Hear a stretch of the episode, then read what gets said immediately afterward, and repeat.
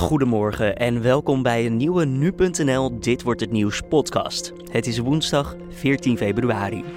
Mijn naam is Julian Dom en ik praat je deze ochtend bij over het nieuws van vandaag met daarin aandacht voor de lerarenstaking in het noorden van Nederland. En ook kijken we naar de supporters van Noord-Korea op de Olympische Winterspelen. Eerst eventjes het nieuws van afgelopen nacht. Douane- en immigratiediensten in het Verenigd Koninkrijk zijn onvoldoende voorbereid op de Brexit. De diensten weten niet waar ze aan toe zijn. Ook hebben zij te weinig mensen om veranderingen door te voeren. Dat staat in een parlementair rapport dat vandaag verschijnt. Een 18-jarige Rotterdammer is dinsdag gearresteerd vanwege mogelijke betrokkenheid bij een liquidatie. Daarbij kwamen vorig jaar twee mannen om het leven in de Rotterdamse wijk Beverwaard. Op het moment van de schietpartij was de verdachte nog 17 jaar, meldt de politie. Volgens de agenten is er destijds geschoten met een Kalashnikov aanvalsgeweer. De Israëlische politie ziet voldoende redenen om premier Benjamin Netanyahu aan te klagen voor omkoping. Netanyahu zou dure spullen hebben gekregen van een Hollywood-producer. Tevens zou hij een afspraak hebben gemaakt om een concurrent van dagblad Jediot Agronot te benadelen in ruil voor positieve berichtgeving. Dan kijken we naar de nieuwsagenda van vandaag, woensdag 14 februari. Vandaag wordt er gestaakt in het basisonderwijs in de provincies Friesland, Groningen en Drenthe. De gehele dag wordt er geen les gegeven of ander werk verricht in de scholen. Vanuit de politiek is er geld beschikbaar gemaakt voor de verlaging van de werkdruk, maar scholen en vakbonden vinden dat echter niet voldoende. Er moet ook meer geld komen voor de salarissen. Vandaar nu deze derde staking. Aan de telefoon Thijs Rovers van PO in actie. Thijs, er was dus wel geld beloofd voor het salaris, maar dat was onvoldoende, toch? Ja, ja, dat klopt. Er is uh, in het regeerakkoord 270 miljoen beraamd voor salarisverhogingen. Uh, daar zitten ook voorwaarden aan verbonden. Dat betekent dat andere arbeidsvoorwaarden uh, ja, versoberd moeten worden. Mm -hmm. en daarnaast is het bij lange na niet voldoende om het om de salariskloof met uh, leerkrachten tweede graads uit het voortgezet onderwijs, om die uh, te verkleinen of om gelijk te trekken, waar we eigenlijk al vanaf moment één voor strijden. Ja, die salariskloof die moet dus bijna gelijk worden. Is dat realistisch? Want het is toch heel ander werk in het voorgezet onderwijs en in het primair onderwijs? Ik ben van mening dat het uh, niet zo'n verschillend werk is. Ik denk dat we allemaal een enorme belangrijke bijdrage leveren aan funderend onderwijs. Mm -hmm. Um, daarnaast ligt het qua werkuren in het basisonderwijs nog een stukje hoger dan in het middelbaar onderwijs. En uh, de werkdrukcijfers, hè, dan kijk je naar burn-out percentages en dergelijke, uh, die slaan ook uit uh, wat meer in het rood in het basisonderwijs. En daarnaast hebben we ook nog eens hetzelfde diploma. Dat is een, een Bachelor of Education. Dat geldt in ieder geval voor de uh, onderbouw van de, de tweede graadse leerkrachten in het middelbaar onderwijs. Ja. Um, dus ja, ik, ik, wij zijn van mening, en met ons ook heel veel docenten uit het middelbaar onderwijs, dat wij in ieder geval gelijk beloond moeten worden.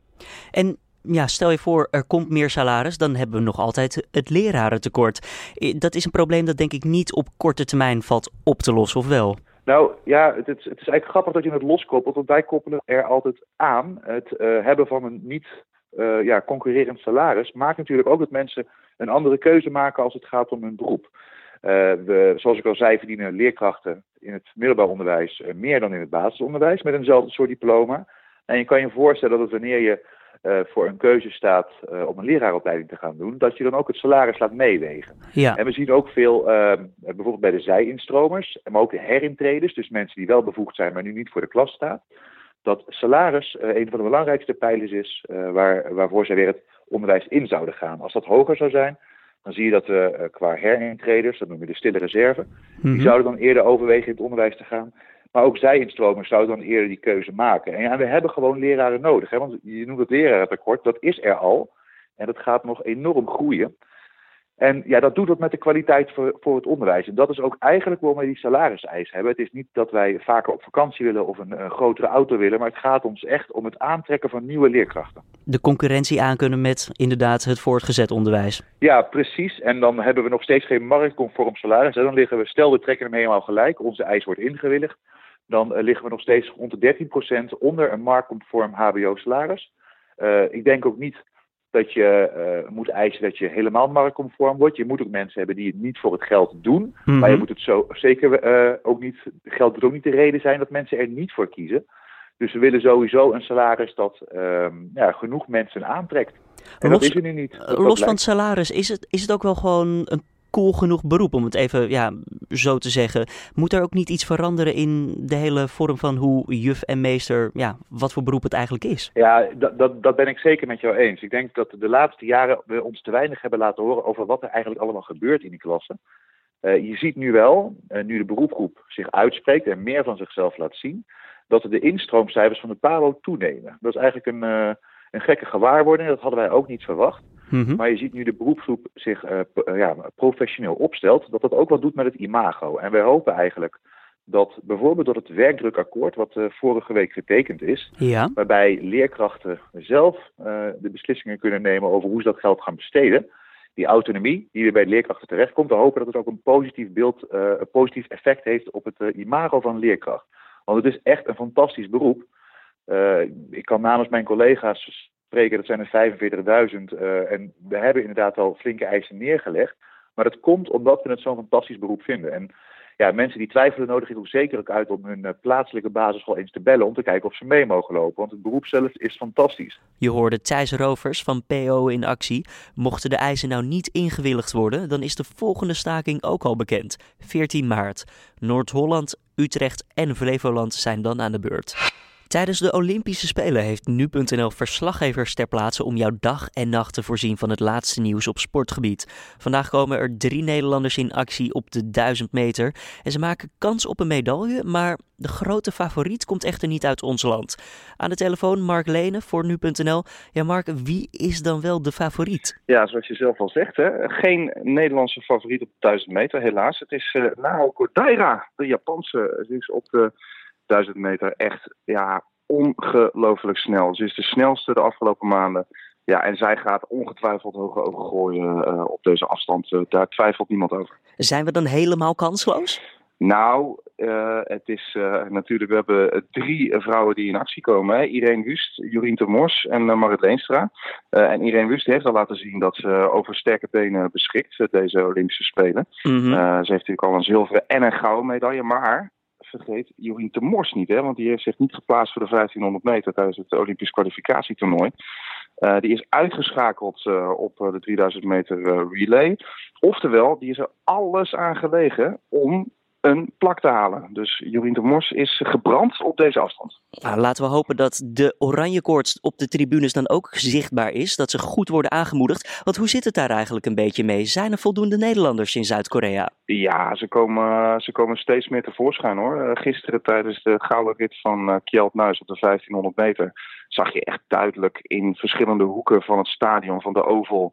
van het lange baanschaatsen, zag je de, ja, de oranje kleuren wel tevoorschijn komen. En als Kjeldnuis weer eh, met 60 km per uur uh, langskwam, dan werd er flink gejuicht. En bovendien is natuurlijk in het Holland Heinekenhuis, uh, zie je mm-hmm. ze allemaal bij elkaar. Uh, de koning is zelfs gisteren ook nog even langs geweest. Super. en dan zie je gewoon dat het, dat het echt wel heerst hier.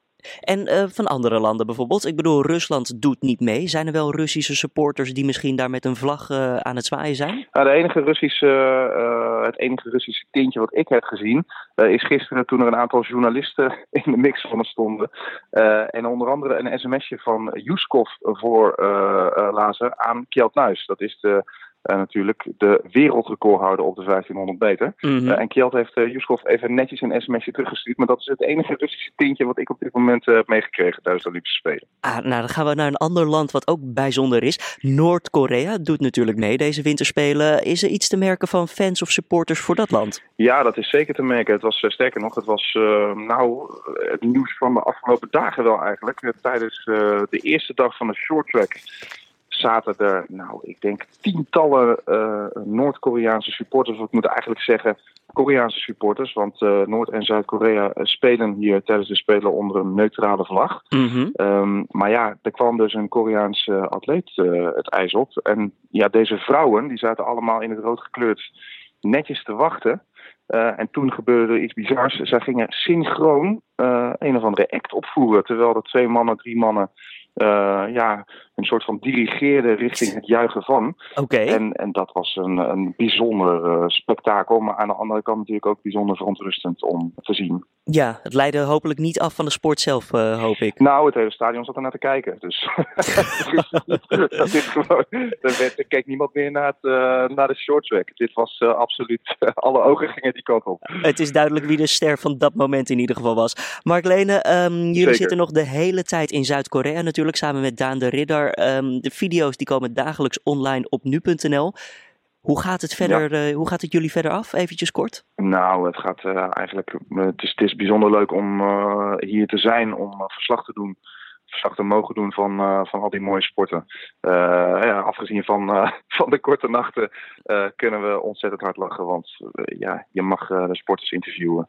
we winnen medailles, dus dat, dat, dat scheelt. Dat helpt tegen het slaaptekort, laat ik het zo zeggen. Mark Lene was dat voor nu.nl vanuit Zuid-Korea. In Utrecht wordt vandaag het eerste deel van het stationsplein tussen Utrecht Centraal en Hoog Katerijnen geopend. Onderdeel van het vernieuwde stationsplein is onder meer de ondergrondse fietsenstalling, die inmiddels bijna helemaal af is, en een heel speciaal bollendak. Daarover praten we met projectleider Douwe Post. Douwe, hoe belangrijk is dit plein eigenlijk voor de inwoners van de stad? Ja, dat, uh, dat nieuwe plein met het dak erboven is het nieuwe gezicht van uh, Utrecht. Uh, zo zien we dat. En dat biedt dus de ontsluiting tussen de OVT de stationshal en het uh, Hoge Katerijnen en het centrum. En dan, daarmee is het ook ontzettend belangrijk voor de forensen, denk ik zo. Ja, de forensen die lopen daar zometeen dagelijks onderdoor. Dus dat wordt echt het nieuwe gezicht van uh, Utrecht. Dus dat is het eerste wat je ziet als je aankomt met het openbaar vervoer. De ondergrondse fietsenstalling, dat is ook een enorm ding. Hè? Uiteindelijk moet dat de grootste ter wereld worden. Ja, in de uiteindelijke situatie heeft hij een capaciteit van 12.000 plekken. We zijn uh, vorig jaar open gegaan met het eerste deel met een ruime 7000 plekken. En vanuit dat geopende deel kan je nu omhoog lopen het nieuwe stationsplein op. En vanaf uh, vandaag drie uur uh, is die mogelijkheid er. Ik loop wel eens rondom het station bij Utrecht en dan zie ik inderdaad overal altijd fietsen staan. Zijn 12.000 plekken wel genoeg op de lange duur? Uh, ja, de tijd zal dat gaan leren. Ik denk dat het in ieder geval een, uh, een hele verbetering is voor de omgeving van het centrumgebied. Omdat alles nu netjes in de rekken in de stalling staat. En niet meer allemaal om dat stationsgebied heen. Dat daar uh, nog steeds fietsenstallingen zijn, is natuurlijk wel het geval. Maar mm -hmm. dat wordt wel veel minder. En de fietsen die in de stalling worden geplaatst, de eerste dag is het volgens mij gratis. Daarna gaat het iets kosten. Kan dat kloppen? Dat klopt inderdaad. De eerste 24 uur, 24 uur is gratis. Dus u checkt in met uw OV-chipkaart en op het moment dat u weer uitcheckt binnen die 24 uur hoeft u niks af te rekenen. Nou, dan loop je naar buiten vanuit de fietsenstalling en dan kijk je omhoog en dan is er iets heel speciaals gebouwd in Utrecht. Een bollendak. Wat is dat voor iets, Douwe? Dat is een heel grote stalen constructie uh, met een aantal uh, openingen daarin uh, van 7 meter doorsneden. Dat is een heel groot, zwaar ding wat we daar hebben neergezet. het lijkt slank als je omhoog kijkt, maar dat is omdat het heel hoog hangt. Het totale ding weegt uh, 500.000 kilo. Uh, staat op zeven kolommen en ja, is uh, dus de nieuwe droge verbinding tussen de OVT en Hoogkaterijnen. Ja, met de opening van het plein komt er ook meteen een einde aan de Patatstraat in Hoogkaterijnen. Kan je even uitleggen wat de Patatstraat is? Ja, de Patatstraat dat, is nog een beetje nostalgie. Want de Patatstraat, zoals wij die kenden uit het verleden, was eigenlijk al weg. En in, op dat nieuwe stationsplein komen diverse eetentjes weer terug. Dus ik denk dat het uh, ja, alleen maar beter wordt voor uh, het publiek. Ja, want het zat zo een beetje in elkaar. Je liep vanuit de stad naar het station en je dacht, ik moet nog even snel eten bijvoorbeeld. Ik heb nog geen avondeten ge gehad. Ik neem even een patatje mee voor onderweg. Dat is dus ook mogelijk in de nieuwe situatie. Ja, op het uh, nieuwe stationsplein uh, zitten rondom diverse horecazaken. Ook met terrasjes, et cetera. Douwe Post, projectleider, hoorde je. Zoals gezegd is het plein dus vanaf vandaag open en kan je er even rondlopen. De door schandalen geplaagde Zuid-Afrikaanse president Jacob Zuma geeft vermoedelijk een reactie op de roep om af te treden.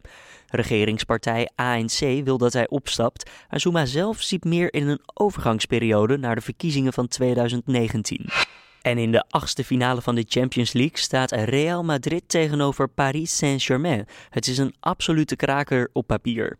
Omdat de Madrilenen in de Spaanse beker al zijn uitgeschakeld en in de competitie op grote achterstand staan, is Europees succes de enige manier voor hun om het seizoen nog van enige glans te voorzien. Dan kijken we naar het mediaoverzicht van deze woensdag. Spoorbeheerder ProRail wil een kwart van de wissels schrappen. Dat zegt topman Pier Eringa in een interview met de Telegraaf. Wissels zijn volgens Eringa vaak storingsgevoelig. En in totaal zijn er volgens hem 7000 wissels op de Nederlandse sporen. Schrappen van zoveel mogelijk van deze lastige knooppunten betekent volgens hem goedkoper onderhoud. Eringa wil het schrappen landelijk aanpakken zonder dat de dienstregeling in gevaar komt. Oud-medewerkers van Defensie die met de zeer kankerverwekkende stof chroom 6 hebben gewerkt, willen dat de bewijslast bij claims wordt omgedraaid. Dan moet het ministerie aantonen dat hun ziektes niet door de stof komen, in plaats van andersom. 100 gedupeerden horen vandaag in de rechtbank van Maastricht of ze smartengeld krijgen, meldt de Volkskrant. Ik heb mijn hele leven voor Defensie ingezet en nu wil ik genoegdoening. Ik wil dat Defensie zegt: we zijn fout geweest, we hebben jullie met die troep laten werken. Alles een van de gedupeerden. Dan het weerbericht van deze 14 februari. Vanochtend is er lokaal kans op gladheid. Overdag is er vooral in het oosten van het land vrij veel zon. In het westen zijn er wat meer wolkenvelden, maar later op de dag laat de zon zich mogelijk ook nog even zien. De maximumtemperaturen liggen rond de 6 graden. Voordat we stoppen, nog even dit. Precies een jaar geleden trouwden 300 stellen. Nou, vraag je je misschien af, leuk en aardig Julien, maar waarom is dat dan interessant? Nou, één reden, het is vandaag Valentijnsdag. Ik heb het al een paar keer gezegd, 14 februari. Nou, nu valt het kwartje misschien. Met 300 keer het jaarwoord op 14 februari 2017 waren er ruim dubbel zoveel huwelijken dan op andere dagen, meldt het Centraal Bureau voor de Statistiek. Ook berekende het bureau hoeveel koppels een huwelijksjubileum vieren. Nou, dit jaar zijn dat er ruim 16.000 en daarvan zijn er 600 met een speciaal jubileum. En dan moet je denken aan 12,5 jaar, 25, 40, 50 of zelfs 60 jaar getrouwd. Nou, mocht deze dag je een beetje zijn ontschoten, eh, geen paniek. Winkels zijn gewoon open en er is dus nog voldoende tijd om goed voor de dag te komen met een mooi cadeau of een mooi gebaar. Dit was dan de Dit wordt het nieuws podcast van deze Valentijn. De Dit wordt het nieuws podcast is zoals je weet elke maandag tot en met vrijdag te vinden op nu.nl om 6 uur ochtends. Laat ook eventjes een leuke recensie voor ons achter op iTunes of Soundcloud. En heb je feedback, stuur dat naar ons mailadres redactieapenstaartje nu.nl. Voor nu, tot morgen.